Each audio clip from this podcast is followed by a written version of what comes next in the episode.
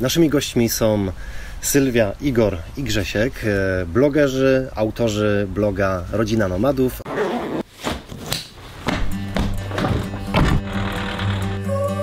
Nazywamy się Sylwia, Grzegorz i Igor. Jesteśmy rodziną nomadów. Od kilku lat łączymy pracę i naukę z podróżowaniem po świecie. Grzesiek pracuje zdalnie jako programista, ja robię zdjęcia, a na blogu rodzinanomadów.pl opowiadam o podróżach, zdalnej pracy i wychowaniu dziecka poza domem.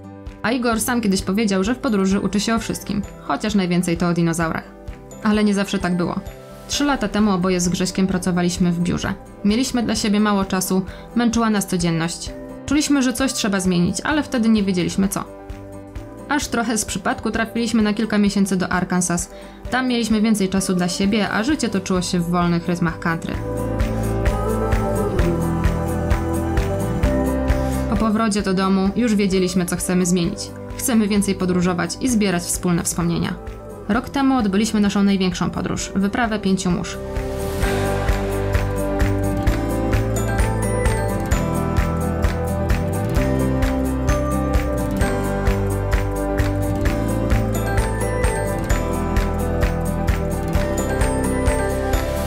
Przez 100 dni przejechaliśmy 11 tysięcy kilometrów.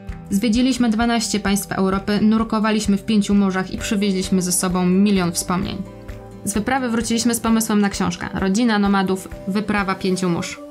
W niej pokażemy Ci niesamowite miejsca, podpowiemy jak budżetowo zorganizować rodzinne wakacje na własną rękę. Opowiemy o tym, jak wygląda zdalna praca w podróży i wychowanie dziecka z daleka od domu. A przede wszystkim będziemy razem się śmiać, przeżywać i wzruszać. Zapraszamy Cię w naszą podróż.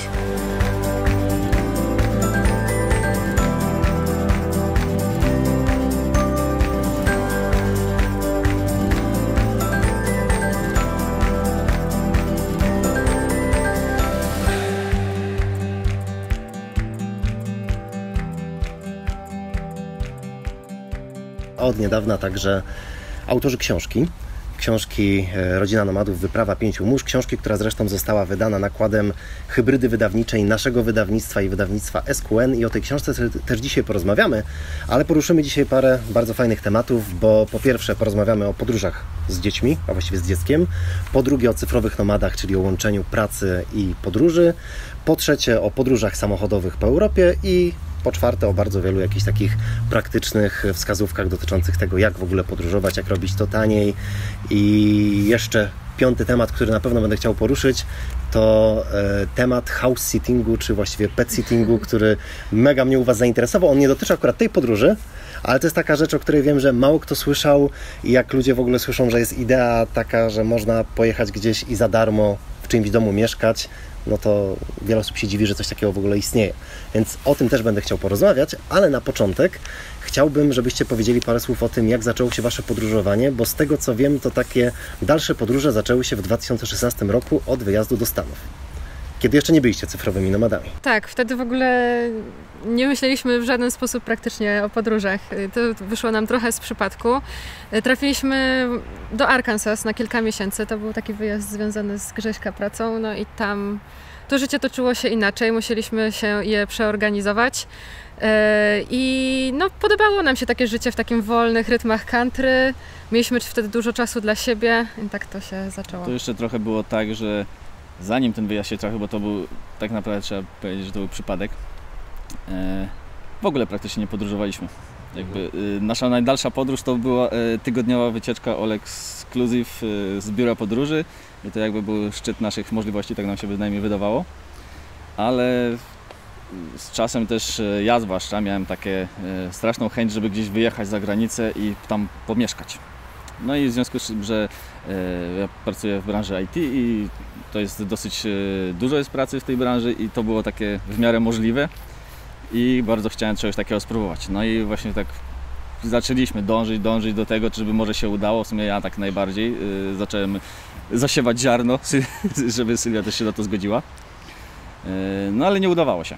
To nie okazało się, że wcale nie jest takie proste i wbrew pozorom, co wiele osób pewnie może zdziwić, w ogóle nieopłacalne. E, No i, i z takimi problemami się trochę borykaliśmy, no i jednego razu właśnie się trafił ten wyjazd do Arkansas, gdzie ja dostałem takie propozycje innej pracy tutaj na miejscu w Polsce, ale niestety konieczny jest wyjazd na początek na takie zapoznanie do Stanów. i on miał trwać od 3 do 6 miesięcy. No to y, zgodziliśmy się. I dalej nastąpiły właśnie te zdarzenia, o których Sylwia mówi, czyli w tym e, Arkansas tak trochę eksplorowali, eksplorowaliśmy e, dookoła w zasięgu, mm, w zasięgu samochodu. E, Wszystko było takie właśnie takie pra- e, praktyczne czy logistyczne względy zupełnie nam odeszły e, takie rozterki, bo firma wszystko zapewniła, samochód, mieszkanie i tak dalej. Oni się nie musieliśmy martwić, więc to było dla nas mega bezpieczne. Mimo to i tak e, baliśmy się tych Stanów. I tak bo- się martwiliśmy. No to jak mówisz, że o nic się nie trzeba było martwić. To Ameryka. E, Ameryka, Właśnie. taka długa podróż z dzieckiem, e, no, ode, jakby wyjechać od rodziny, z przedszkola, takiego jakby znanego życia, do czegoś takiego totalnie obcego, no, my my tylko na all inclusive byliśmy, no tam poza jakimiś tam drobnymi wyjazdami, gdzieś tam powiedzmy w takie bezpieczne rejony wakacyjne, więc no to było takie no duże wyzwanie. A ile miał wtedy lat, Igor? Igor miał wtedy 3,5 roku, bo to bardzo 3,5. ważne, że i pół. Tak, to było bar- bardzo istotne, zwłaszcza y, y, w Stanach, czy nie tylko w Stanach, ale w wielu miejscach, prawda, ten bilet y, tam do 3, do 4, 5, 6 lat czasami jest za darmo. No i akurat tak się trafiło, że wiele razy do tych 3 lat był za darmo. No i Igor też chodził do angielskiego przedszkola, więc angielski tam rozumiał. I jak w kasie by tak może nie, nie oszukiwaliśmy, prawda, ale zatajaliśmy, zatajaliśmy część prawdy. Czy no mówiliśmy, mówiąc, że ma 3 lata, 3 lata, no tak, że za darmo bilet. co było w sumie prawdą, no bo miał 3 tak, lata, ale i pół. Igor wtedy oczywiście no nie trochę tak. Igor potrafił tak się odrobinę tak obrazić i jeszcze za- zaczepić przy tej kasie 3,5. Na szczęście Znaczy w ogóle... rozumiał musieli- po angielsku, ale na szczęście jeszcze wtedy odpowiadał po polsku. Więc, Tak. y, Ale no w ogóle musielibyście zobaczyć jego minę, jak ktoś go zaczepił, o what a, what a nice baby, no to po prostu taki wzrok bazyliszka, że I'm not a baby. Tak, a no to tak jeszcze jakby te kulisy tego wyjazdu e, i jakby dlaczego też tyle obaw i to dlaczego też była taka dla nas nowość. No ja w ogóle wcześniej my pracowaliśmy oboje no w innej pracy, pracowaliśmy dużo, Grzesiek e, bardzo dużo też na, jakby dodatkowo na nadgodzinach, ja pracowałam też w biurze, Igor chodził do przedszkola. Ja też na ten wyjazd też musiałam jakby zrobić przerwę od tej pracy, ją po prostu no, tak, zostawić. to było też takie jakby dla nas duża zmiana, bo byliśmy w tamtej chwili ludźmi, którzy nie, nie brali pod uwagę czegoś takiego, że można na przykład z jednej pensji żyć, że to jest jakby duże utrudnienie i no, challenge można nazwać. No ale Sylwia, że, żebyśmy mogli pojechać wszyscy razem, Sylwia musiała tak naprawdę zrezygnować z pracy. I y, technicznie to był jakiś tam urlop wychowawczy czy coś takiego, ale no, y, jakby przestała pracować i jakby mieliśmy jedną pensję mniej. Ale po powrocie ze Stanów już nie wróciliście do normalnej pracy i do Ale wszystko życia. tak, to, wszystko tak to płynęło, tak, y, to, że ja po pierwsze właśnie trochę mniej tam pracowałem, praktycznie 8 godzin i to takie 5 minut dotarcie do pracy, 5 minut powrót i jestem z powrotem. Y, y, Sylwia będąc w domu, wiadomo, to też dom i tak dalej z Igorem, to wszystko też trzeba ogarnąć, to wszystko było dużo sprawniej, dużo lepiej, mieliśmy znacznie więcej czasu dla siebie i ten czas płynął dużo lepiej. Mogliśmy właśnie eksplorować okoliczne stany i tak dalej i tak nam się to spodobało, że z kolei po trzech miesiącach, Tak jak wróciliśmy do Polski, stosunku. to nie braliśmy pod uwagę, żeby wracać do tego, co było. No, czyli I- trzy miesiące byliście na Tak, ostatecznie byliśmy 3 miesiące, nie 6, bo to miało wstępnie wyglądać tak, żebyśmy 3 miesiące, mieliśmy wrócić, pojechać na kolejne 3, ale tam znowu coś tam się po... przekładało, że tak powiem, w tej firmie i byliśmy tylko 3 miesiące. No ale tak naprawdę właśnie ten pierwszy wyjazd, te 3 miesiące, yy, no można powiedzieć już teraz po 3 latach, że zmienił nasze życie. I po powrocie trochę to wszystko zmieniliście, zaczęliście więcej podróżować, między innymi wylądowaliście w Dubaju, tak? Tak, to nie, w perspektywie czasowej, nie wiem, to było rok później chyba? Tak, w ogóle to też ewoluowało z czasem. My na pewno jedno co widzieliśmy, to już nie chcemy jakby wracać do tego e, takiego korpo życia wcześniejszego, takiego od e, 9 do 17 i tak naprawdę widzimy się dwie godziny dziennie. Już do tego nie chcieliśmy na pewno wracać. No i chcieliśmy więcej podróżować, bo zobaczyliśmy, że to jest fajne i że tak naprawdę to nam daje dużo radości. I zaczynaliśmy kombinować na różne sposoby, jak to robić, bo e, co by nie mówić, e, zwłaszcza według mnie z dzieckiem, e, podróżne bywają kosztowne. Nawet do, tanie, do tanich krajów podróż potrafi sumarycznie, jeżeli jest długa, no, jest kosztowna.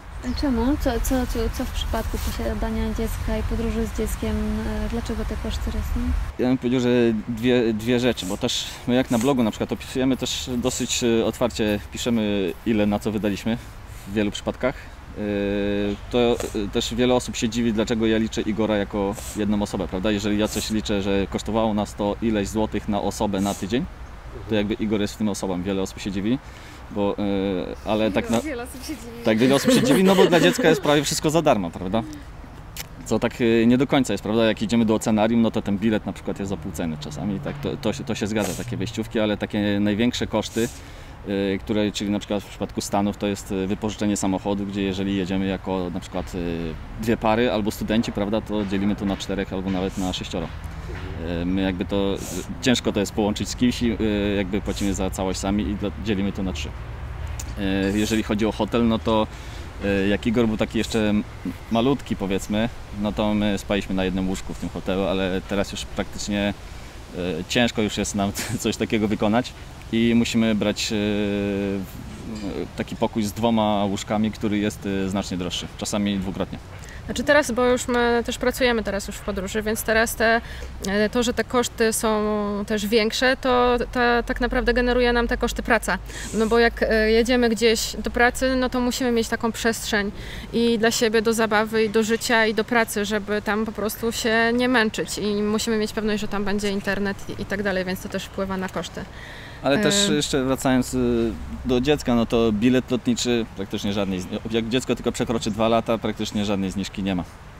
Y, Można jakby o tym zapomnieć. Y, Dodatkowo według mnie to jest jakby u nas to tak w praktyce wychodzi, jeżeli jesteśmy z dzieckiem, to dużo chętniej będzie poszukamy droższego i lepszego jedzenia. Czasami jakbyśmy byli bez dziecka, to w ogóle tego nie zrobimy, tylko zjemy jakieś ciastko, wafelka czy coś obojętnie co, żeby tam tylko przeżyć i sobie gdzieś na przykład dotrzeć. Y, Z dzieckiem już y, najczęściej tego nie robimy, tylko y, jakby E, tak. no nie, może złe słowo, ale chcemy jakby dogodzić trochę temu dziecku, zapewnić mu wszystko i to powoduje, to generuje według mnie spore koszty. Tak, a mieliśmy dojść do tego Dubaju ostatecznie. Em, tak, byliśmy w Dubaju też dwa razy. Em, Pierwszy raz ja byłam z Grześkiem na kilka dni i trochę w sumie Igorowi było też smutno, że, że go tam nie było i gdzieś tak pojawiła się myśl, żeby może jeszcze kiedyś tam pojechać. E, I trafiła się taka okazja, bo zaczęliśmy robić coś takiego albo szukać takiej okazji, no coś takiego, co się właśnie nazywa pet sitting. E, I to polega na tym, że jeżeli nie ma, e, ktoś ma zwierzę u siebie w domu i chce sobie gdzieś pojechać, podróżować i nie ma przez ten czas co z tym zwierzęciem zrobić, no to szuka takich ludzi, którzy mogliby w tym czasie się tym zwierzęciem zająć. E, I są takie portale, które właśnie łączą takich ludzi, którzy chcieliby gdzieś pojechać i oddać swój dom i zwierzaka w ręce ludzi, którzy by chcieli gdzieś przyjechać i z kolei tam za darmo w tym domu mieszkać, w zamian za opiekę nad tym domem i tym zwierzakiem. Jak się No- nazywa? Mm, Kilka jest takich portali i jakby my wcześniej też o tym słyszeliśmy, ale na zasadzie takiej legendy, Y, czyli tak jak większość osób nadal. No tak jak my właśnie. Słyszeliśmy, że ludzie tak robią, ale jak zacząłem sam szukać, to tak No właśnie. ciężko to znaleźć. Bardzo często są jakieś opłaty na tych portalach. Tak, to jest właśnie takie naj, największa bariera wejścia, jest, że je, żeby cokolwiek tam zadziałać, to y, jakby taka subskrypcja takiego portalu, bo ich jest kilka, y, koszt jest zazwyczaj bardzo droga. W naszym przypadku my tam po jeszcze jakiś znaleźliśmy kod rabatowy, prawda, taki kombinatorzy, tutaj no to tam 15% sobie obniżyliśmy i zapłaciliśmy bodajże około 100 dolarów.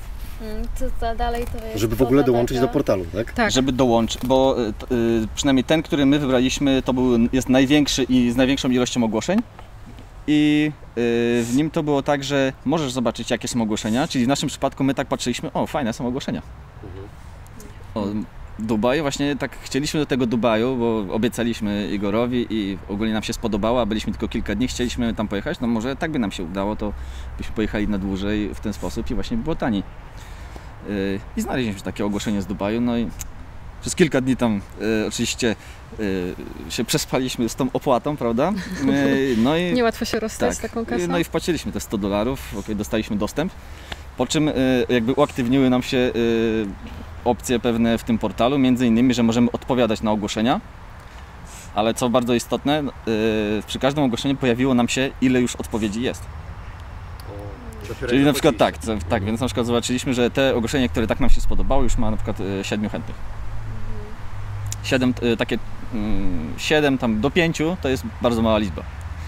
I bardzo często jest Yy, O, ponad 20, 20, 30 i tak dalej. I ci 10. właściciele na jakiej zasadzie wybierają? Trzeba jakiś swój opis tam dać, czy co? Tak, trzeba stworzyć swój y, opis i no, im szybciej, tym lepiej. Bardzo często to z pierwszymi osobami już się dogadują, ale też wiadomo, że jakby jak masz taki wiarygodny profil, no to to działa na Twoją korzyść. Czyli to, że jakimi zwierzętami się wcześniej opiekowałeś, że Jest kilka dróg na uwierzy- y, uwiarygodnienia się w tym portalu, między innymi możesz zebrać referencje, podać swoje dokumenty, swój adres, oni Ci wyślą kod, prawda, tak jak w różnych portalach, że y, poświadczasz swoje dane, że one są prawdziwe i oprócz tego referencje inni ludzie Ci dają, mogą Ci dać Twoi znajomi, to też dla kogoś może mieć znaczenie, ale najlepszą, y, najlepszym uwiarygodnieniem jest już odbyte Pet City.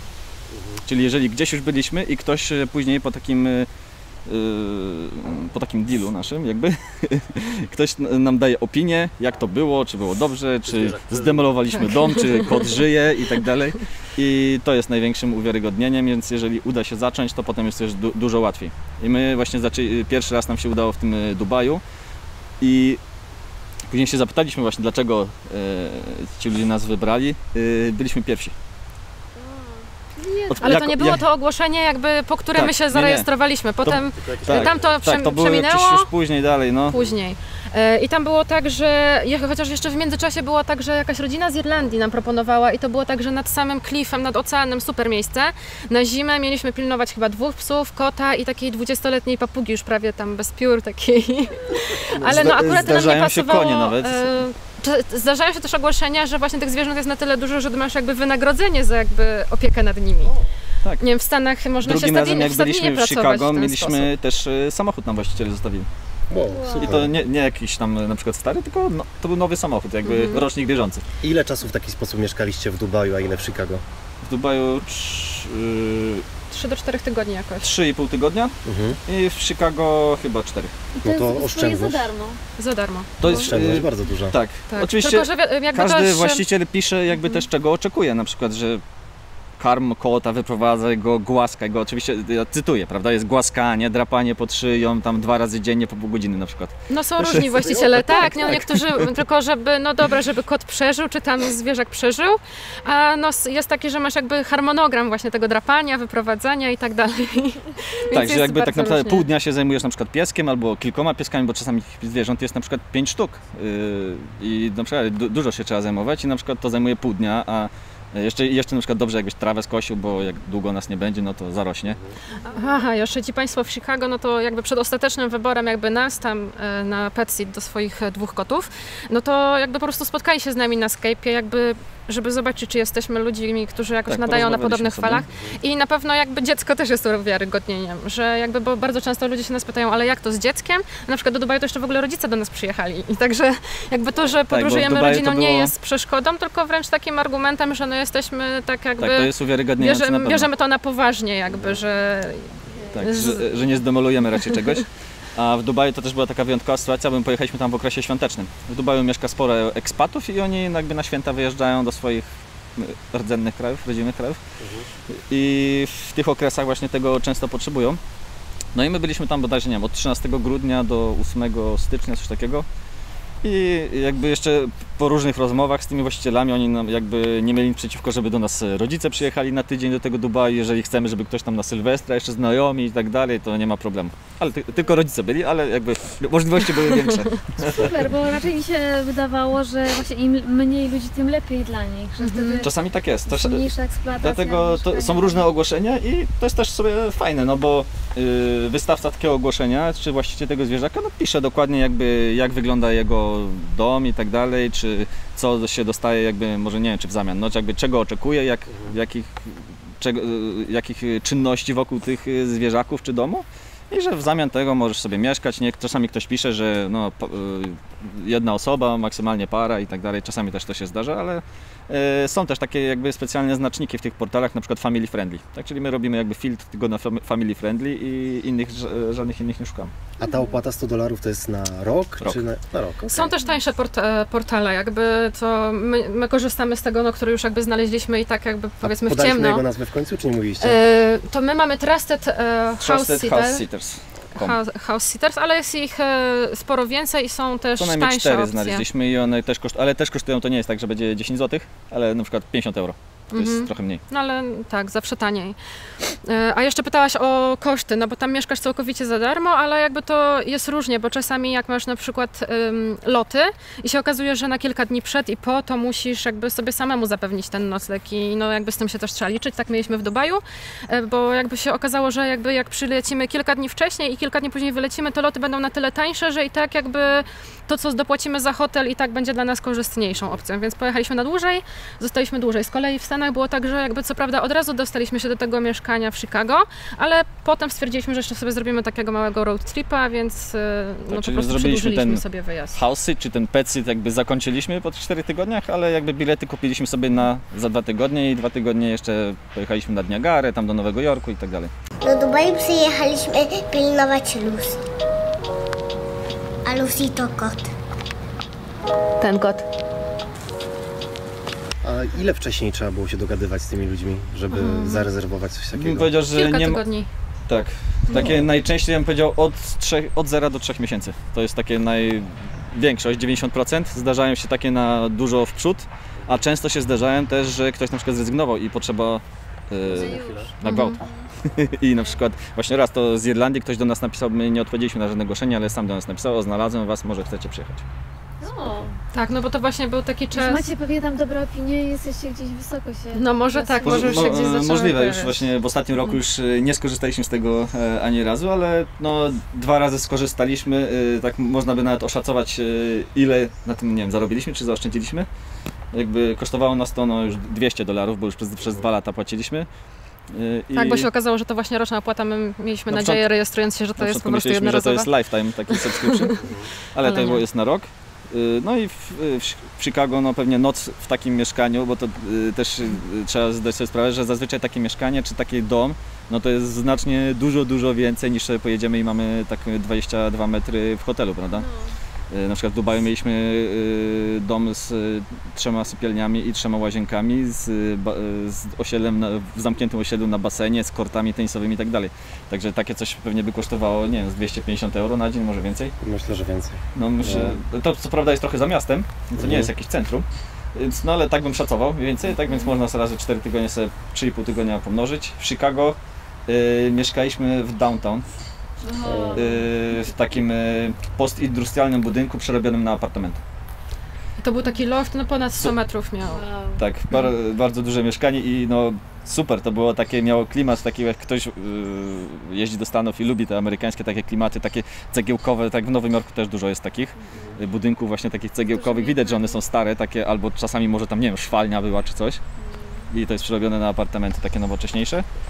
Y, No super rzecz i to też na pewno by tanio nie kosztowało. Nie, absolutnie. No i też, e, bo Zupełnie inne doświadczenie niż w hotelu. tak, wiele osób nas też pyta o jakieś konsekwencje Chicago tego. Coś takiego 1000 dolarów by mogło kosztować.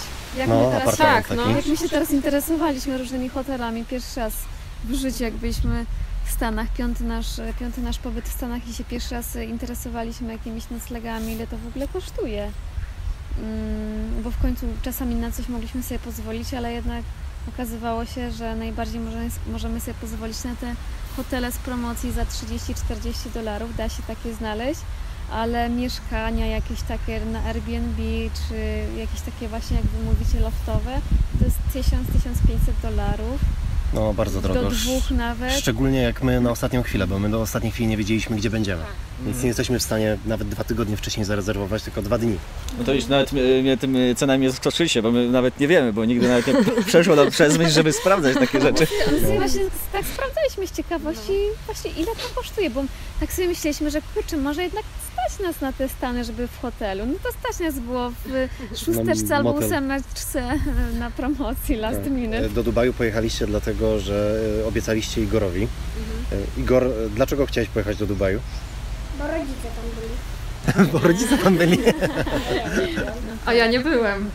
A ja nie byłem. Chwały. A w podróż po Europie dlaczego chciałeś pojechać? Na Bałkany, do Rumunii i tak dalej. To rodzice chcieli pojechać. A ja się po prostu zgodziłam. Zgodziłeś się. A nie było tak, że chciałeś zobaczyć ten zamek Drakuli? No, też było tak. Było tak. A właśnie powiedzcie, mm, A propos tych planów właśnie na Europę i tak dalej, bo kolejną waszą podróżą, tą dużą była podróż, e, można powiedzieć, dookoła Europy. Skąd pomysł, żeby akurat taką dużą trasę zrobić, żeby to wszystko naraz i To też w ogóle było- jak to wszystko wyszło? Trochę się też wiąże z tym Dubajem, ponieważ ja- rozpocząłem taką zdalną właśnie pracę, która pozwalała nam trochę więcej podróżować. Po długim czasie, po powrocie na początku z tych Stanów udało się tak, coś takiego zaaranżować i ten Dubaj to był taki pilot, że po prostu jedziemy gdzieś, wszystko działa i y, mogę pracować, to wszystko zadziałało i, no i potem ruszamy dalej. No i oczywiście y, mieliśmy wtedy takie, taką chęć właśnie no, pojechania wszędzie i jak najwięcej miejsc, wiele miejsc, zobaczyć jak najwięcej ile się da. No i wymyśliliśmy właśnie to w ten sposób, że yy, też oczywiście to będzie trochę taniej, pojedziemy samochodem i będziemy co tydzień zatrzymywać się właśnie na pracę w innym mieście. Od poniedziałku do piątku będziemy pracować i będziemy jechać dalej. I w ten sposób tak jakby zrobimy taki cyfrowy nomadyzm yy, w ekstremalnym wydaniu, że będziemy w ciągu 4 miesięcy pracować z 12 do 15 miast. No to ambitnie, jak na E, tak. taką pierwszą dużą podróż. My rok wcześniej zrobiliśmy sobie takiego road tripa miesięcznego po Stanach Zjednoczonych, tylko wtedy bez pracy i codziennie przenosiliśmy się z innego miejsca na inne miejsce. I to jakby taka forma podróżowania tym samochodem, zwłaszcza w Stanach, no bardzo nam się spodobała. No i tylko musieliśmy trochę zmodyfikować ten road trip też pod kątem właśnie pracy, żeby to było takie z miejsca do miejsca. A jeśli chodzi właśnie o łączenie pracy i podróży, to dobrze to wyszło? Łatwo było to sobie ogarnąć i połączyć jedno i drugie? To łatwo, łatwo nie, na pewno jest to wyzwanie, a, no ale mamy z tego dużo korzyści. Mm. Znaczy, samo to, czy było łatwo, no to na początku nam się wydawało to łatwe, bo prawda, jak taki człowiek jest y, świeży i próbuje nowych rzeczy, no to to wszystko tak łatwo idzie i nawet jak jest, y, prawda, pracuje się tam zgarbionym i gdzieś tam albo gdzieś na łóżku czasami, no to to y, praktycznie nie przeszkadza, ale jak już robili, jechaliśmy właśnie y, tą y, naszą wyprawę, robiliśmy już od drugi, trzeci miesiąc się zaczynał, no to yy, złapała nas taka trochę zadyszka, że już poczuliśmy się trochę tacy zmęczeni tym, że yy, no, w poniedziałek rozkładamy się z komputerami i tak dalej, robimy, do 16-17 pracujemy, wieczorem yy, musimy ogarnąć sklepy i tak dalej, prawda, musimy coś zjeść i tak, no, też chcemy zobaczyć okolice, jak to miasto wygląda, więc praktycznie od rana, od 7 do 22 coś robimy. I piątek, no w połowie dnia, jeszcze trochę wcześniej kończymy pracę, już odjeżdżamy i wtedy mamy 3 dni takiego weekendu, gdzie też jak najwięcej chcemy zobaczyć. Czasami mamy, nie wiem, 500 km do przejechania. Gdzieś chcemy pospać na kempingu, gdzieś e, coś po drodze spotkamy jeszcze innego, gdzieś odbijemy. E, No i to się okazało takie bardzo intensywne dla nas. I tak po dwóch, e, no dwóch i no, prawie trzech miesiącach no to mieliśmy taką zadyszkę, że nawet nie planując tego, jakby musieliśmy zostać na jednym miejscu na dłużej, trochę odpocząć.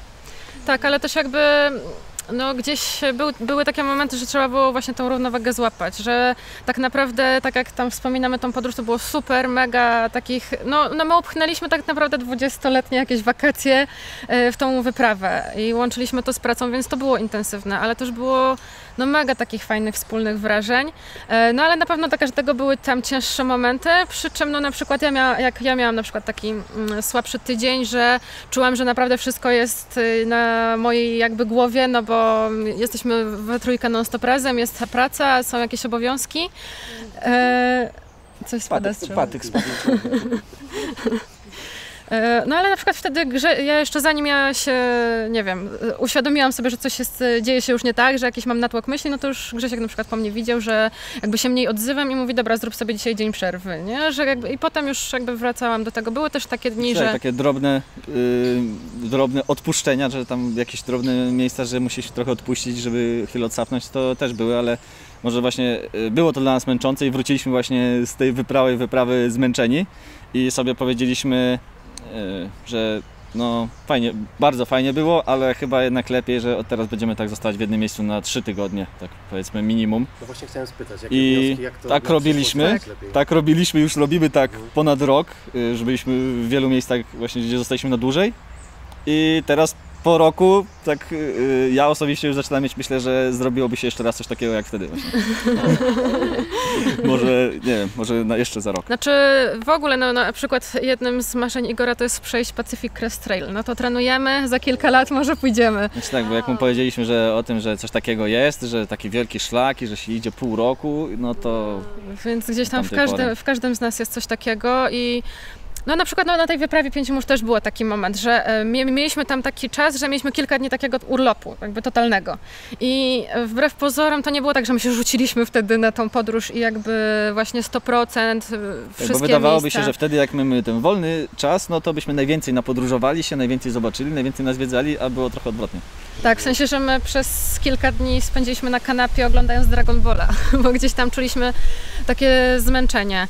No też pod kątem Igora na pewno były takie momenty, gdzie on się tam e, bardziej ponudził, ale z kolei też były takie dni, że ja gdzieś tam z kolei czułam, że no dobra, muszę się jakoś bardziej nim zająć, bo mam na przykład dużo pracy i szłam wtedy do jego pokoju, a on był tak zajęty zabawą, że w sumie tak naprawdę mnie nie potrzebował, więc były takie momenty i mega łatwe, Były też trudne, ale też tak naprawdę to wszystko, jakby bilans jest bardzo, bardzo na plus, bo no, wróciliśmy z takimi wrażeniami.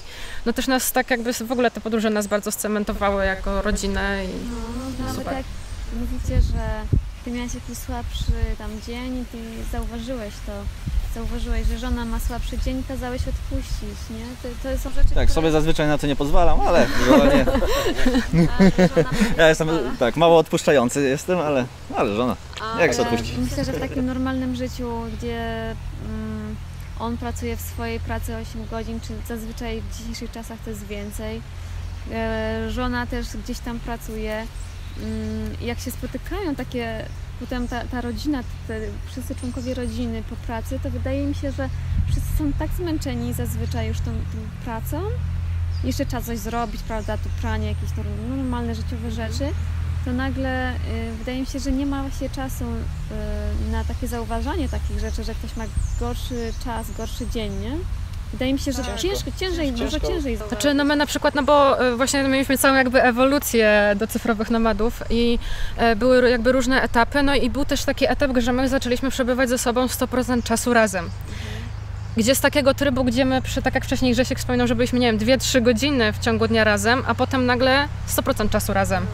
No to, to trzeba się po prostu tego nauczyć, no bo jak jesteś Od w trochę się zaczęła nauczyć Przebywać. przebywać, no bo tak jak jesteś w pracy, to masz inne role. E, Nie musisz być mamą, żoną, nie wiem, gospodynią, a jednak jak jesteś 100% czasu razem, no to jesteś, nie wiem, równocześnie szefem, pracownikiem, mamą, żoną i no jakby to trzeba się tego nauczyć i to jest na początku pewnie trudne i ciężkie, ale no właśnie, no też mam wrażenie, że nas to bardzo scementowało i nawet, że takie jakby, nie wiem, no drugie jakieś miesiące miodowe te podróże są i takie, no naprawdę nowe no życie trochę. sobie nie? właśnie to wydaje mi się, że też e, wiele osób sobie nie zdaje z tego sprawy, że tak naprawdę jak sobie sumarycznie policzą właśnie w takim normalnym, e, tradycyjnym modelu, który my też bardzo długo jakby e, mieliśmy w, naszym życiu, czyli chodzenie do biura, do pracy, prawda, dojeżdżanie, do przedszkola, odbieranie z przedszkola i tak dalej.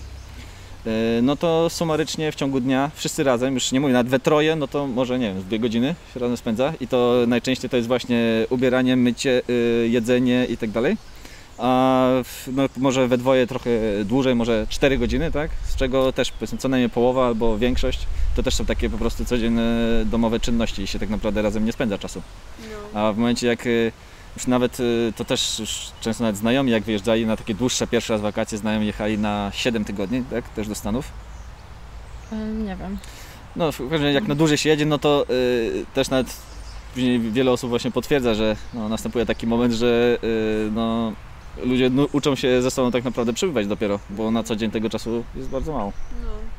A jeśli chodzi w ogóle o podróże z dzieckiem, mm, bo nam bardzo często nasi widzowie piszą, że bardzo fajnie, że sobie tak podróżujemy, ale to dlatego, że nie mamy dzieci. Bo jakbyśmy mieli dzieci, to żebyśmy tak nie podróżowali, bo się nie da, bo trudniej.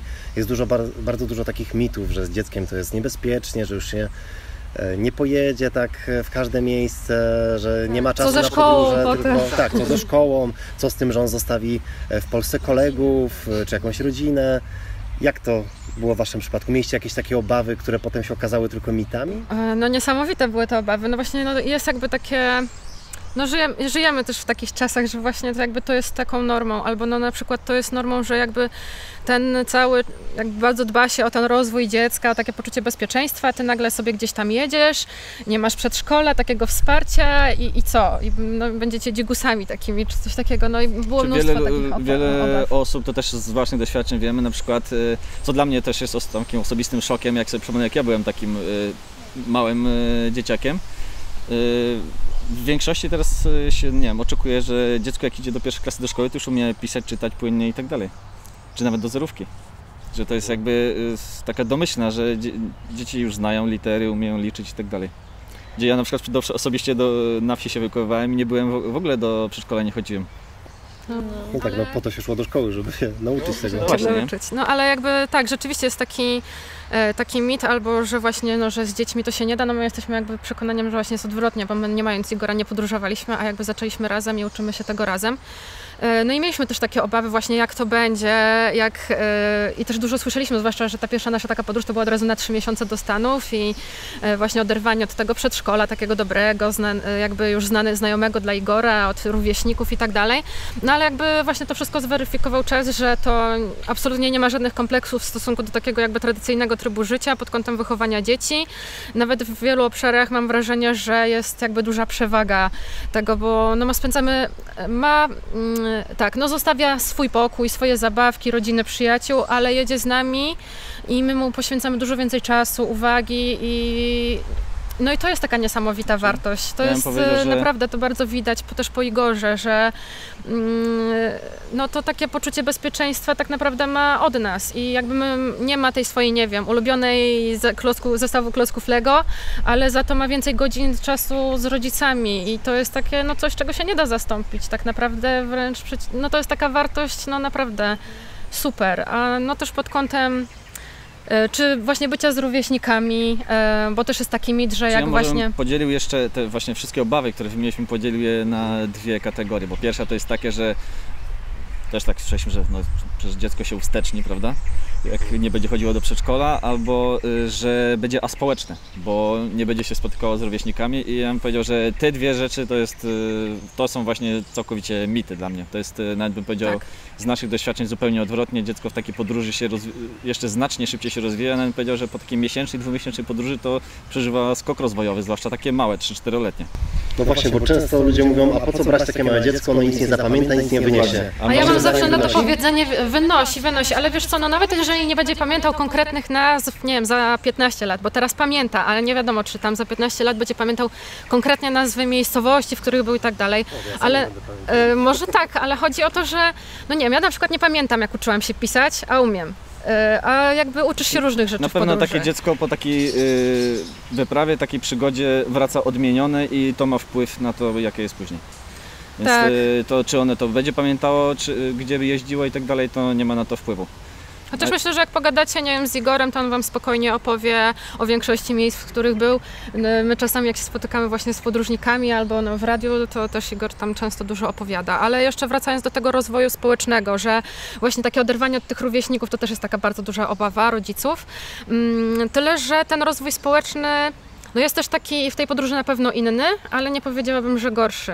E, Zwłaszcza, że my też w wielu miejscach zostajemy na dłużej i on miał tam okazję nawiązać tak naprawdę nowe nikt znajomości. nie wie, czy, czy jest lepszy, czy gorszy, prawda? No bo y, to dopiero wynik zweryfikuje i to ciężko na przykład taką próbkę, nie wiem, y, 10 tysięcy dzieci wziąć i sprawdzić, tak, co, co było lepsze. Najlepiej by było, jakbyście mieli bliźniaków. Jednego zostawić. Dokładnie. To by, to by co, był jakiś dowód na to, ale No. właśnie jakby ja nie twierdzę właśnie, że to jest albo to jest lepsze, że, bo i nikt nie wie, bo wielu osób jest przekonane, że jedna opcja jest lepsza, ja uważam, że nie wiadomo, co jest Znaczy lepsze. tak, ale jakby do czego dążę, jakby, że e, no ma ten kontakt z rówieśnikami, taki czy inny. I ma też e, z rówieśnikami, to są dzieci młodsze, starsze, to są dorośli, ten kontakt z ludźmi no, jest taki po prostu różny. E, I też jakby widzę po Igorze, że on wcześniej raczej był takim dzieckiem nieśmiałym, e, gdzieś tam miał więcej takich obaw i potrzebował takiego wsparcia bardziej na przykład z naszej strony, a teraz właśnie przez to, że musiał sobie poradzić, dogadać się z, obcy, z dziećmi obcymi, w obcym języku jeszcze czasami i albo Jak gdzieś tam poznawał. Właśnie, takimi dziećmi w Dubaju. E, W ogóle w Dubaju to mieszkaliśmy koło rodziny Polaków na przykład. Dobra. Ale zdarzało To się takie, że się nawet e, nie znają, nie ma ani jednego języka, który by mieliby wspólny, bo Igor trochę po angielsku, a te dzieci na przykład nic, no to jakoś tam na migach, no oni grają, dobra, gramy razem, coś ten, tu gramy i grają i nagle zaczynają Mhm. i to nie wiadomo skąd się dokładnie co aż tak bierze, ale grają i Opowiedzcie trochę, e, jakie relacje robicie z podróży, gdzie to relacjonujecie, czy tylko na blogu, czy też filmy, zdjęcia i tak dalej, jak to u Was wygląda i kto się czym zajmuje? Bo widziałem też Igora czasem gdzieś tam z A już kamerą. się nagrywa, czy co? kameruje się chyba. Nagrywacie? No to ja myślę, że najpierw do najważniejszą relację to Igor też już nawet zaczął tworzyć, to jest prawda? Vlogi? Igor ma swoją e, kamerę z takim e, tri- z tripodem i też sobie nagrywa takie vlogaski. I my też y, prób- próbujemy coś na YouTube'a nagrywać i to ja to głównie robiłem, bo tak y, jak od początku zaczęliśmy jeździć, to mi się tak właśnie spodobało trochę, o takie montowanie, tak ten tam y, czasu zazwyczaj brak, brakuje na to, ale no coś próbowaliśmy wrzucać na YouTube'a. Chyba na tą chwilę nie wrzuciliśmy, chyba z 50 filmów. Tak, no ze Stanów mamy vlogi, mamy vlogi z tej wyprawy, znaczy tak, z tej wyprawy pięciu mórz, ona też jest na YouTubie. E, Z Chicago mamy kilka odcinków i z Dubaju, e, także no nawet dość sporo tych No, materiałów. faktycznie, no to może z 70 nawet. Cześć, tu Grzesiek Sylwia. i, Igor. i jesteśmy teraz gdzie? E, W mieście, w którym co jest największe? największy żałędź świata. Te rzeczy, które Igor nagrywa, one też są na tych vlogach, czy jak? Zda, zdarza, zdarza się, że właśnie jak Igor coś nagra, to my dorzucamy jakby do tych odcinków i to też jest na YouTubie i to też z relacji osób, które to oglądały i też nam się też podoba, ale to, to są zazwyczaj właśnie najfajniejsze fragmenty, czy no, może nie najśmieszniejsze, ale najzabawniejsze, no e, fajnie zrobione. Takie To jest, oczami dziecka. to jest no. w nagrywaniu, to jest tutaj z nas trojga, to jest prawdziwy profesjonalista. Albo czasami wiecie, przez cały odcinek no my coś tam pokazujemy, opowiadamy, a Igor wejdzie i powie coś i to jest po prostu najlepszy moment odcinka, No tak, naj- że jak gdzieś tak tam jest. byliśmy właśnie w Arizonie, no to jak Igor zaczął opowiadać o, o, o grzechotnikach, on jeszcze wtedy inaczej mówił, tak bardziej dziecinnie i mówił, że można nawet amputację albo umrzeć e, od grzechotnika, albo nie wiem, z, że chodźmy na dalszy szlak, albo o kocie opowiadał w Dubaju, nie? Teraz to już w ogóle, teraz on właśnie na swojej za kamerze. co? Może co? No. Teraz to A już teraz to ma, nawet dorośłe. ma chyba większy plan, bo, bo ten, powiesz co zakładasz? E, kanał na YouTubie swój. Swój kanał zakładasz? Tak, już ma, mamy napisany ten scenariusz Pierwszy na, odcinek. na pierwszy odcinek, mamy plan zapisany. A drugi odcinek będzie akurat e, o tym, co przy- przed chwilą rozmawialiśmy. Czyli? O Pokemonach. Robisz odcinek o Pokemonach? I co tam będziesz pokazywał? Najpierw będzie o sportach e, i o grze na keyboardzie, to nie będzie w ogóle z mówieniem, a tak to, to będę grał i będziemy pokazywać. O, czyli nie takie typowo podróżnicze, tylko Nie, można powiedzieć takie- lifestyle'owe. Inne, a podróżnicze, no to będzie razem wspólnie robimy na nasz kanał. Mhm. I właśnie e, Igor ma tą swoją kamerę, on tam nagrywał i po tej podróży jak wróciliśmy i zobaczyliśmy co tam jest ponagrywane i, no i Grzesiek zaczął właśnie wplatać te takie mm, rzeczy, które on mówi jakby do swojej widowni, bo on tam opowiada, zaraz wam pokażę najlepszą ulicę w mieście i tak naprawdę fajnie to robi. No i tak e, robi też zdjęcia, Nie, Tak, bo no, u nas Grzesiek jest od YouTube'a, e, ja robię zdjęcia i prowadzę bloga, e, chociaż tutaj no, Grzesiek też jakby mnie wspomaga, są tematy, które on jakby też e, na, na, na bloga wrzuca, więc mamy tego bloga, gdzie właśnie tam piszemy i o zdalnej pracy, i o podróżach z dzieckiem, o tych wszystkich miejscach, co odwiedziliśmy. Robimy zdjęcia, które wrzucamy na Instagram i na Facebook, e, no i robimy Insta Stories, e, tak, które... no, czyli ta- tak na bieżąco to jesteśmy na Instagramie, tylko na Insta Stories. No i na Insta Stories to, E, Facebook to we trójkę. Tak, Facebook, Facebook i YouTube właśnie trochę, trochę rzadziej, bo to strasznie dużo czasu zajmuje, to sami zresztą wiecie. I wszędzie no pod blog. nazwą Rodzina Nomadów. I wszędzie rodzina Tak. nomadów. No i teraz, od teraz też można Was poczytać w książce. Tak. E, I książka też, to co jest takie nietypowe w tej książce moim zdaniem, to to, że jest też bardzo dużo e, od Igora informacji, jakichś jego przemyśleń i tak dalej. Skąd to się wzięło? Wy to zapisywaliście już w trakcie Tak. podróży, czy jak? Tak, no ja, y, Kilka ja... takich tekstów było, że też no powiedzmy nam się One są w ogóle pamięć. nagrane, to są w tak, tych one, filmach one często. są w tych filmach często te teksty, które są zapisane. Tylko powiedzmy tak, y, nie jest tak aż tak łatwo je znaleźć, by trzeba było te filmiki wszystkie przejść. E, A też e, trochę się, jeżeli chodzi o te porady i tak dalej, no to to się trochę wzięło z tego, o czym rozmawialiśmy, że e, właśnie spotkaliśmy się z czymś takim, że wiele osób uważa, że z dziećmi to podróżowanie już nie za bardzo, że to sprawia problemy, że jest ciężko i tak dalej. No i w tej książce właśnie chcieliśmy zawrzeć takie rzeczy i pokazać, że częściowo to są mity, a częściowo po prostu trzeba może coś zrobić inaczej i też się uda, tylko trzeba mieć przede wszystkim chęci. No właśnie super w książce jest to, że nie tylko opisujecie swoje przygody, ale też są te tabelki praktyczne, w których tak naprawdę każdy możliwy temat, jaki przyjdzie ludziom do głowy, którzy planują pojechać w podróż samochodem czy w podróż z dzieckiem, no to macie osobną tabelkę na temat tego na przykład, jak sobie radzić z kradzieżami, jak sobie radzić z pieniędzmi, ze zdrowiem i tak dalej. I to myślę, że jest takie fajne kompendium dla ludzi, którzy właśnie planują swoją podróż i mają obawy, żeby usiąść, przeczytać i wtedy dopiero pomyśleć o swojej podróży i mieć zupełnie inne podejście. No bo jednak jak się siedzi w Polsce i tylko się myśli o tej podróży, to się mnożą wszystkie te problemy, jakieś niebezpieczeństwa, obawy. A w podróży chyba Tak. wcale nie jest tak źle, na przykład jeżeli chodzi o zdrowie. Tak, no, znaczy w większości, ja już teraz e, e, mam taką zasadę, żeby właśnie nie mnożyć tych obaw, bo jakby większość rzeczy, które jesteś w stanie sobie wymyślić, to się nigdy nie sprawdzi w podróży, a może się zdarzyć coś, o czym się nigdy nie pomyśli, więc jakby takie mnożenie tych obaw przed wyjazdem jest no, po prostu bez sensu, że wiadomo, no, trzeba pamiętać o bezpieczeństwie, się przygotować w takim no, rozsądnym jakby zakresie, no ale też nie ma co jakby tych obaw mnożyć i tak... no bardzo się bać, no bo zawsze, jak, skoro radzimy sobie czymś, z czymś tu będąc w domu, no to będąc w podróży też na pewno sobie tam damy radę po prostu. A jeśli by była na przykład jakaś e, choroba Igora po drodze, to macie jakieś specjalne ubezpieczenia? Jak to wtedy wygląda?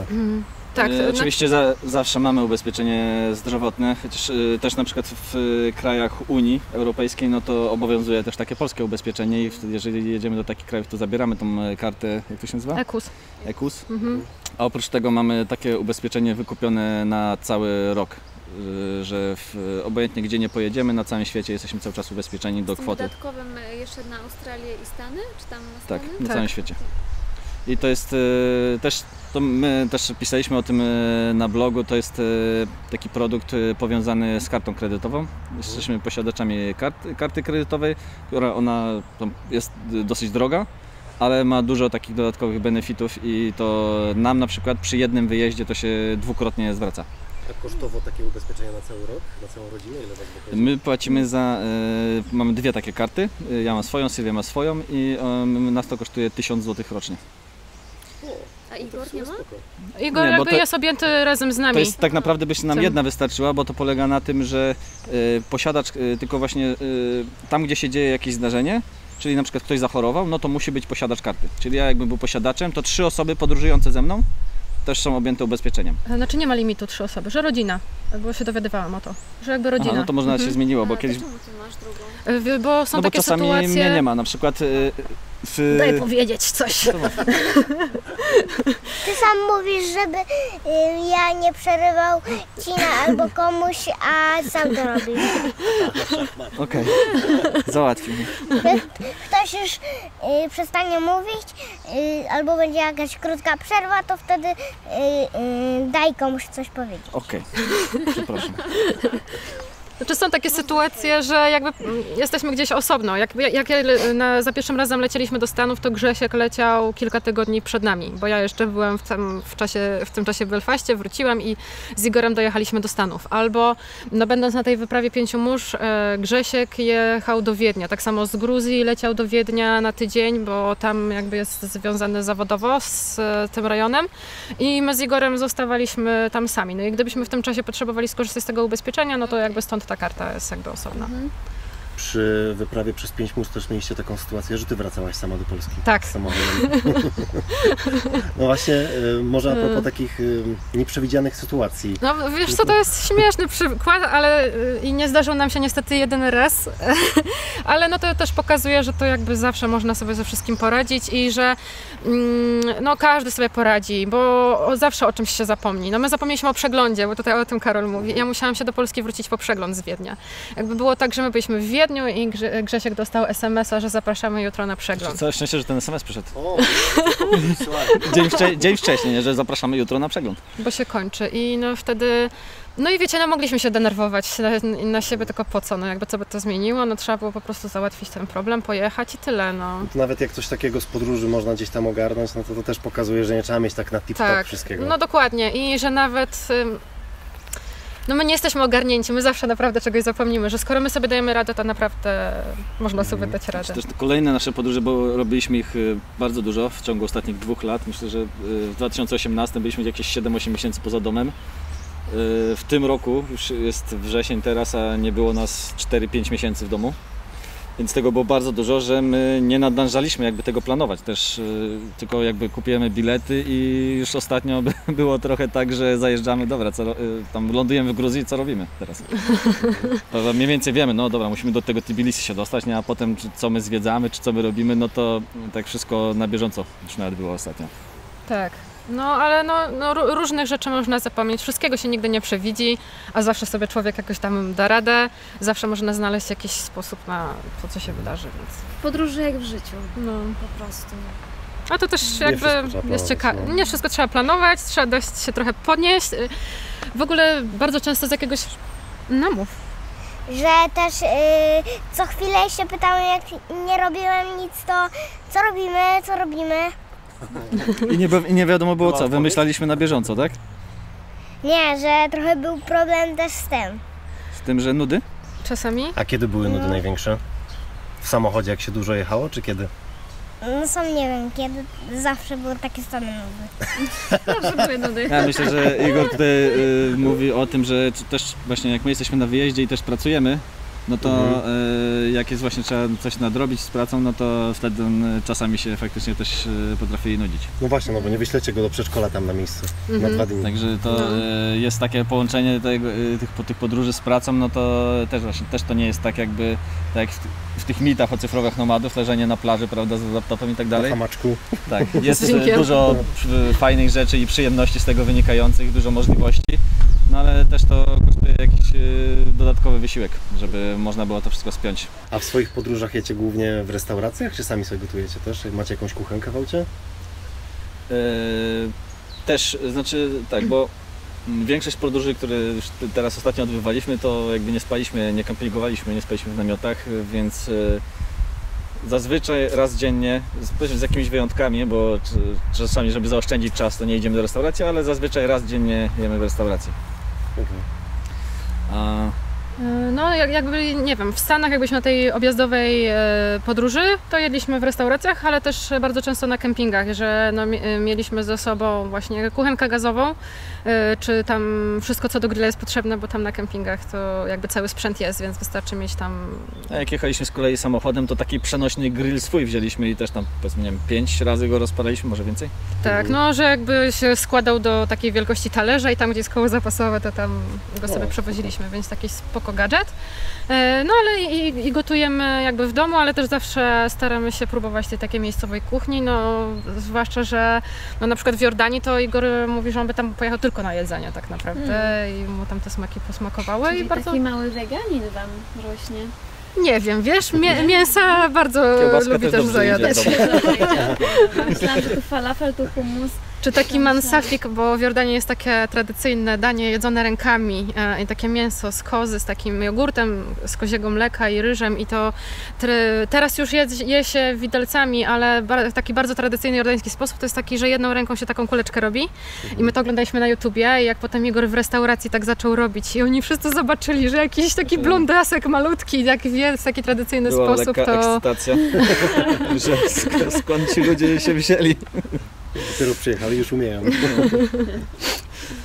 A w Jordanii jak byliście trzy tygodnie, to jak, gdzie spaliście? Jak to, rozwi- jak, jak to zorganizowaliście? No jakby też już p- w ramach tego naszego takiego formatu, jaki już sobie wypracowaliśmy, czyli my zamieszkujemy w jednym miejscu w mieście zazwyczaj na kilka tygodni. No i tak mieszkaliśmy prawie 5 tygodni w Ammanie. Yy, I wtedy głównie przez Airbnb wynajmujemy te mieszkania, i to ze względu na to, że przez Airbnb często można wynegocjować niższą cenę. Właśnie miałem Was o to spytać, bo w Waszej książce widziałem, że w Airbnb negocjujecie cenę. Można Tak. to robić? Na czym to polega? Tak. Ja myślałem, że to jest ustalone jak na bookingu, że tyle kosztuje i do widzenia. Właśnie nie, dlatego Znaczy wiele osób tego nie wie i właśnie klika i płaci tą cenę, No. a normalnie można się tam odezwać i ro- rozmawiać o tak, my cenie. już y, w Airbnb, no nie wiem, spaliśmy może w 50 miejscach myślę co najmniej Mhm. i chyba raz czy dwa nam się zdarzyło płacić taką wyjściową cenę. Serio? My spaliśmy z 300 razy i nigdy nie pomyślałem, żeby negocjować. Ale, No bo ty musisz zapłacić z góry tam. no, ale tak, możesz płacimy z- najpierw wysłać wiadomość i w tej wiadomości, Płacimy z tak? góry, tak, ale mogę zrobić e, rezerw, taką, e, nie rezerwację, Ale tylko wy dlatego, że wy na długo. Nie, tylko. tylko. Na długo, no 4 dni to zależy, na jeden dzień no to na pewno nie ma sensu. No to my No. na jeden zazwyczaj wynajmujemy. No ale czasem na więcej. I co ale wtedy? jeżeli 3-4 dni, no to już może mieć sens. To e, zależy też, trzeba popatrzeć jaka jest sytuacja, to trochę poświęcić, e, nie wiem, godzinę czasu, popatrzeć dookoła jak to wszystko wygląda, jeżeli jest e, dużo tego, prawda? Bo jeżeli na przykład takim przykładem, gdzie nam się to nie udało, to były w, w Atenach, Mhm. zostawaliśmy na tydzień. I no, tam jest po prostu taki ruch turystyczny, że y, nie było mowy o tym. Jakby. No, y, oczywiście próbowaliśmy, ale nie, nie dało, nie dało rady, to w ogóle nie wchodziło w grę i ewidentnie jakby osoby, z którymi ja rozmawiałem, no wiedziałem, że no nie, nie uda się to. A ile, ile udało Wam się wynegocjować? Na Peloponezie to jest to bardzo Znaczy, dużo to jest, zbiliśmy, nie? Tak, jedno, e, wiadomo, to jest im droższy taki lokal jest, to tym więcej można ściągnąć, prawda? Jeżeli to jest taki super najtańszy za 30 euro za noc, no to wiadomo, że do 15 ktoś nie zejdzie, to jest Mhm. raczej mało prawdopodobne, ale jeżeli właśnie już jedziemy na przykład większą grupą, gdzie my raz byliśmy z Sylwii rodzicami, z, tej, z, yy, z jego dziadkami, yy, no to więcej osób, przy tym budżet był większy na większe mieszkanie czy dom, no to yy, taki dom, który był dostępny bodajże za 160 euro my wzięliśmy za 108 na dzień. O, I to mieliśmy swój basen do tego i w Tak, ogóle jeszcze pani Wula nam codziennie jakieś smakołyki przynosiła i w ogóle naprawdę super W miejsce. przypadku tańsz, tańszych nawet, no to Tak. takie jedna trzecia, znaczy no jedna trzecia to jest takie coś, na co można liczyć, powiedzmy, ale 20% to już bym powiedział, że jest dobrze, Mhm. jedna trzecia to jest super, a w Ammanie właśnie tam akurat można powiedzieć, że y, tak się wydawało na początku, że rozbiliśmy bank, bo tam właściwie za pół ceny wzięliśmy. Wow. Było za, czy nawet więcej, za 1700 euro chyba było, czy coś takiego, a my zapłaciliśmy 900, tam 10 czy coś takiego. Za te 5 tygodni. tak. Mhm. Nieźle. Nigdy bym nie pomyślał, że można obniżyć tam I cenę. jeszcze mieliśmy, jeszcze mieliśmy obniżkę, to jest I też... potem y, y, jeszcze to taniej wyszło, bo y, najpierw jak wylądowaliśmy w Ommanie, gdzie to dla nas takie też było trochę nowość, bo no wszystko takie nieogarnięte w tym kraju jest, jakby nie byliśmy jeszcze w takich miejscach. Y, Człowiek, który miał nam, nam y, jakby przekazać klucze, zapomniał o tym. Y, Mhm. Myślał, że przyjadujemy no, dwa dni później czy kiedyś. I właśnie to mieszkanie trochę nie było przygotowane, nie było pościeli, ręczników i tak dalej. Mieliśmy tak w Maroku. I trochę było brudno jeszcze. Więc Ale e, to się okazuje, że bo potem poznaliśmy Polaków, e, którzy tam mieszkają i to z nimi też e, tam się zaprzyjaźniliśmy. Oni opowiadali, że tak by jest norma, tak jakby ten... Tak, że to nie był odosobniony przypadek. No, to nie była wpadka, tylko Tak. taka Tylko tak raczej po prostu jest taki standard. No ale wracając do kasy, no to tak mniej więcej 2-3 dni nam zajęło, jak już wszystko mieliśmy tak ten. Sami Potem się okazało, sami że musieliśmy, podłoga nie jest beżowa, tylko, to była biała. tylko była biała, a Ale ten beż to był co musieli- innego. trochę musieliśmy sobie posprzątać, ale to znowu za to dostaliśmy bodajże 260 euro z powrotem. Tak. Więc, y, czyli tak wyjściowo mieszkanie, które było wystawione za chyba 1700 euro na 5 tygodni, kosztowało nas niecałe, no 600, 670, coś takiego. Dobra, to sprawdzimy później. To później, Może sobie możesz grać. Bzykać. A też jest tak, jak Ola mówisz, że jakby im dłużej, to też są większe zniżki. Nawet czasami jest taka automatyczna znisk, zniżka, że jak Tak, e, no. chcesz sobie zarezerwować na dłużej, to automatycznie się ta cena obniża.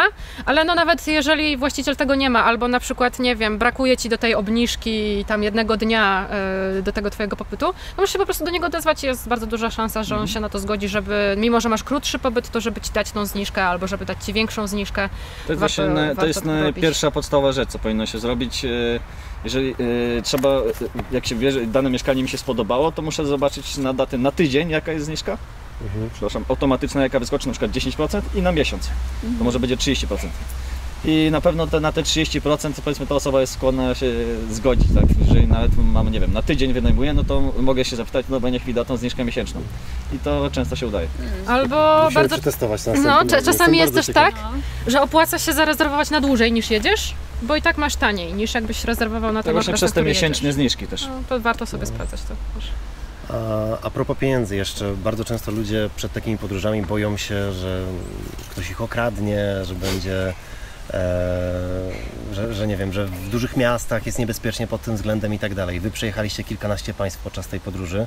Zdarzyły Wam się jakieś kradzieże? Faktycznie to było problemowe? Nikt nas nie okradł, ale mieliśmy jedną rzeczywiście taką realną sytuację, że no byliśmy okra okradzywani. O jak to się mówi? Ktoś nas okradał. Tak, było, było już w trakcie kradzieży prawie, że i jakby my, ale to takie nasze gapiostwo też tak naprawdę było, no bo to też tak właśnie jak y, wiele osób nas ostrzegało ale, y, i tak dalej, że w tych krajach to tam na pewno ktoś nas Znaczy, w okradnie. tych krajach, no to też konkretnie, bo na przykład przez Rumunię przejechaliśmy, gdzie właśnie też jakby no, mówi się, że tam jest trochę niebezpiecznie, najbezpieczniejszy kraj w ogóle ever. W sensie takim, że no, ludzie są też tacy gościnni. W ogóle przez, ani przez sekundę nie czuliśmy się tam jakby zagrożeni w żadnym miejscu, w żadnym mieście, w żadnej wiosce, nigdzie.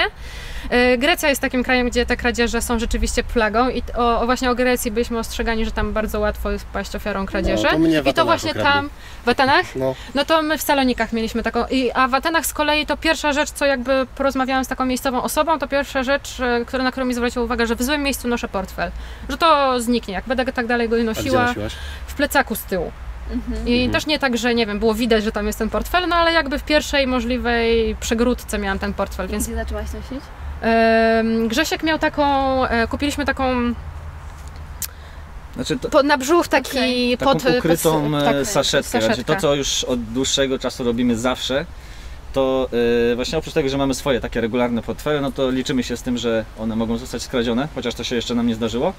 I jeżeli mamy jakąś większą gotówkę i właśnie jakieś e, karty kredytowe, takie rzeczy, które teoretycznie jak zostaniemy okradzeni, to te karty tak naprawdę będą stanowiły nasze zabezpieczenie, że będziemy mieli jak wrócić do domu. No to ja trzymam właśnie w takiej ukrytej saszetce, gdzie ja je tam gdzieś pod ubraniem e, noszę i to naprawdę, no to by musiało dość, nie wiem, ktoś by musiał przystawić e, pistolet do głowy i mnie rozebrać, żeby to zabrać. Tak, to już musiałby być napad, a nie Tak, to już- zwykły kieszonkowiec, który gdzieś tam się To w takiej sytuacji już bym się nie martwił, że ktoś mnie okrada, prawda? Tylko były ważne, inne zmartwienia. E, No i No ale to, to o tych salonikach, no bo nam się właśnie rzeczywiście tak trafiło, że my przez to, że przejechaliśmy przez tą Rumunię, przez Bułgarię i tam poczuliśmy się tak super bezpiecznie. I w tych salonikach, jak mieszkaliśmy dalej od centrum, no to też e, czuliśmy się tam bardzo bezpiecznie. I tam rzeczywiście poza centrum było bardzo bezpiecznie, tam zostaliśmy bardzo ciepło przyjęci i pani na straganie dawała Igorowi jajka. E, no naprawdę było bardzo fajnie i tak mm, e, trochę straciliśmy tą czujność przez to, że poczuliśmy się tak trochę za bardzo jak w domu. Mhm. I właśnie w takim pojechaliśmy do takiego turystycznego miejsca w Salonikach, żeby właśnie bardziej pozwiedzać to centrum. No i tak e, sobie siedzimy, jest tak super fajnie, okej. Jest tak super fajnie, no i tak siedzimy, sobie rozmawiamy. No to powiedz. Yy, No, że ja się, no, że pojechaliśmy tam do Białej Wieży, no i yy, ja się tam bawiłem, bawiłem, Rodzice gadali, nie? no, a i tam widziałam, że ktoś się tak zakrada, ale nie było tak jak w filmach, że tak na pamiątkach to nie wiedziałem, że to złodzieje i to i złodzieje, a dziew, no i nie powiedziałem, no, yy, no i dziewczyny na, jakieś dziewczyny przyszli, przyszedli i, i ostrzegli nas, że tam jacyś są złodzieje. Hmm. Tak, O, no bo nie po prostu nie składali się, nie skradali się tak jak w bajkach, tak więc my sobie nie- siedzieliśmy i obok nas były te plecaki, nie trzymaliśmy ich. Mhm. Tam właśnie Czyli ze sprzętem, z kamerą i tak, tam... rozmawialiśmy i ta, e, chłopaki się zakradali, żeby nam buchnąć te plecaki. Hmm. Mm. Tak. Na szybkości. Żeby... Więc nie, to- nie pomyśleli, żeby się zakradać jak na bajkę. Mieć Tak. jakąś czarną przepaskę czy coś. No i właśnie to jest tak, jak Igor powiedział, że takie dwie dziewczyny podeszły nas ostrzec, ale nie na zasadzie, że uważajcie, bo ogólnie tutaj kradną, tylko uważajcie, bo tam, Bo was okradają. bo was okradają, że ktoś się już skradał, A, czyli żeby... one już wyczaiły tych gości Tak, tak. No i Igor potem właśnie też mówi, że on widział, że rzeczywiście tak podchodzą do tych plecaków, no ale że nie skradali się tak jak właśnie w Mhm. bajkach, tylko... No to Tylko widać, że to jest jakiś taki ich typowy sposób, bo ja miałem identyczną sytuację, No. że siedziałem, siedzieliśmy w kółku tak jak tutaj Mhm. i ja miałem przy nogach plecak i co chwilę coś z niego wyjmowałem i w pewnym Mhm. momencie patrzę, nie ma tego plecaka. I oni po no. prostu gdzieś tam się czaili z boku Podbieg i buchną. i gościu nawet nie, że podbiegł. Miał taki długi drucik Aha. i tym drutem ten plecak tak przesuwał, przesuwał i w pewnym momencie podał koledze, który przechodził obok. Ten kolega doszedł 10 metrów dalej do skarpy, zrzucił ze skarpy i na dole już ktoś czekał i rozpracowywał to wszystko. No. I zanim ja dobiegłem na dół, to plecak już był pusty. Więc Ale to też Mają. my, a propos tych kradzieży i bezpieczeństwa, dochodzimy do wniosku, że jednak to nie te kraje, którymi się straszy, właśnie gdzieś Bałkany, Rumunia i tak dalej, to nie one są niebezpieczne, Mhm. tylko europejskie duże miasta, Tak. stolice. Też mamy takie Tam wrażenie. jest większy problem. Barcelona to jest najbardziej znane e, Tak. mekka kieszonkowców. No właśnie. No. No, tak samo, tam no nie wiem, byliśmy w tej Gruzji, w Azerbejdżanie, w Jordanii, też e, nie czuliśmy się w żaden sposób zagrożeni tam. E, No a byliśmy w takich ubogich e, tam właśnie częściach i które gdzieś tam są czasami źle kojarzone, jakby, No. albo mogą być. A to właśnie w takich miejscach czuliśmy się z reguły najbardziej bezpiecznie. No. Dobra. duże miasto. na koniec powiedzcie jeszcze, czy macie jakieś takie porady ogólne dla kogoś, kto Ściszysz? Zepsuło się? To tak jak ty mówiłeś, że teraz już w panice nic nie działa. Tak, tak. W pewnym momencie. E.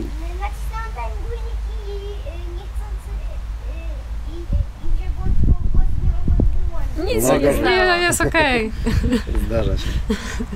Na pewno będzie nas oglądało czy słuchało bardzo wiele osób, które myślą o tym, żeby ruszyć w jakąś taką pierwszą podróż z dzieckiem po Europie. Do trzech razy sztuka.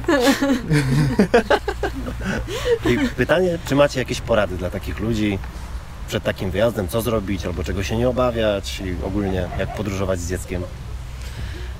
E, No myślę, że mamy takie e, porady. Przede wszystkim właśnie, żeby się nie bać i żeby po prostu jechać i wszystko naprawdę da się zorganizować i da się super spędzić czas i to w praktyce jest zawsze łatwiejsze niż się wydaje i dużo przyjemniejsze.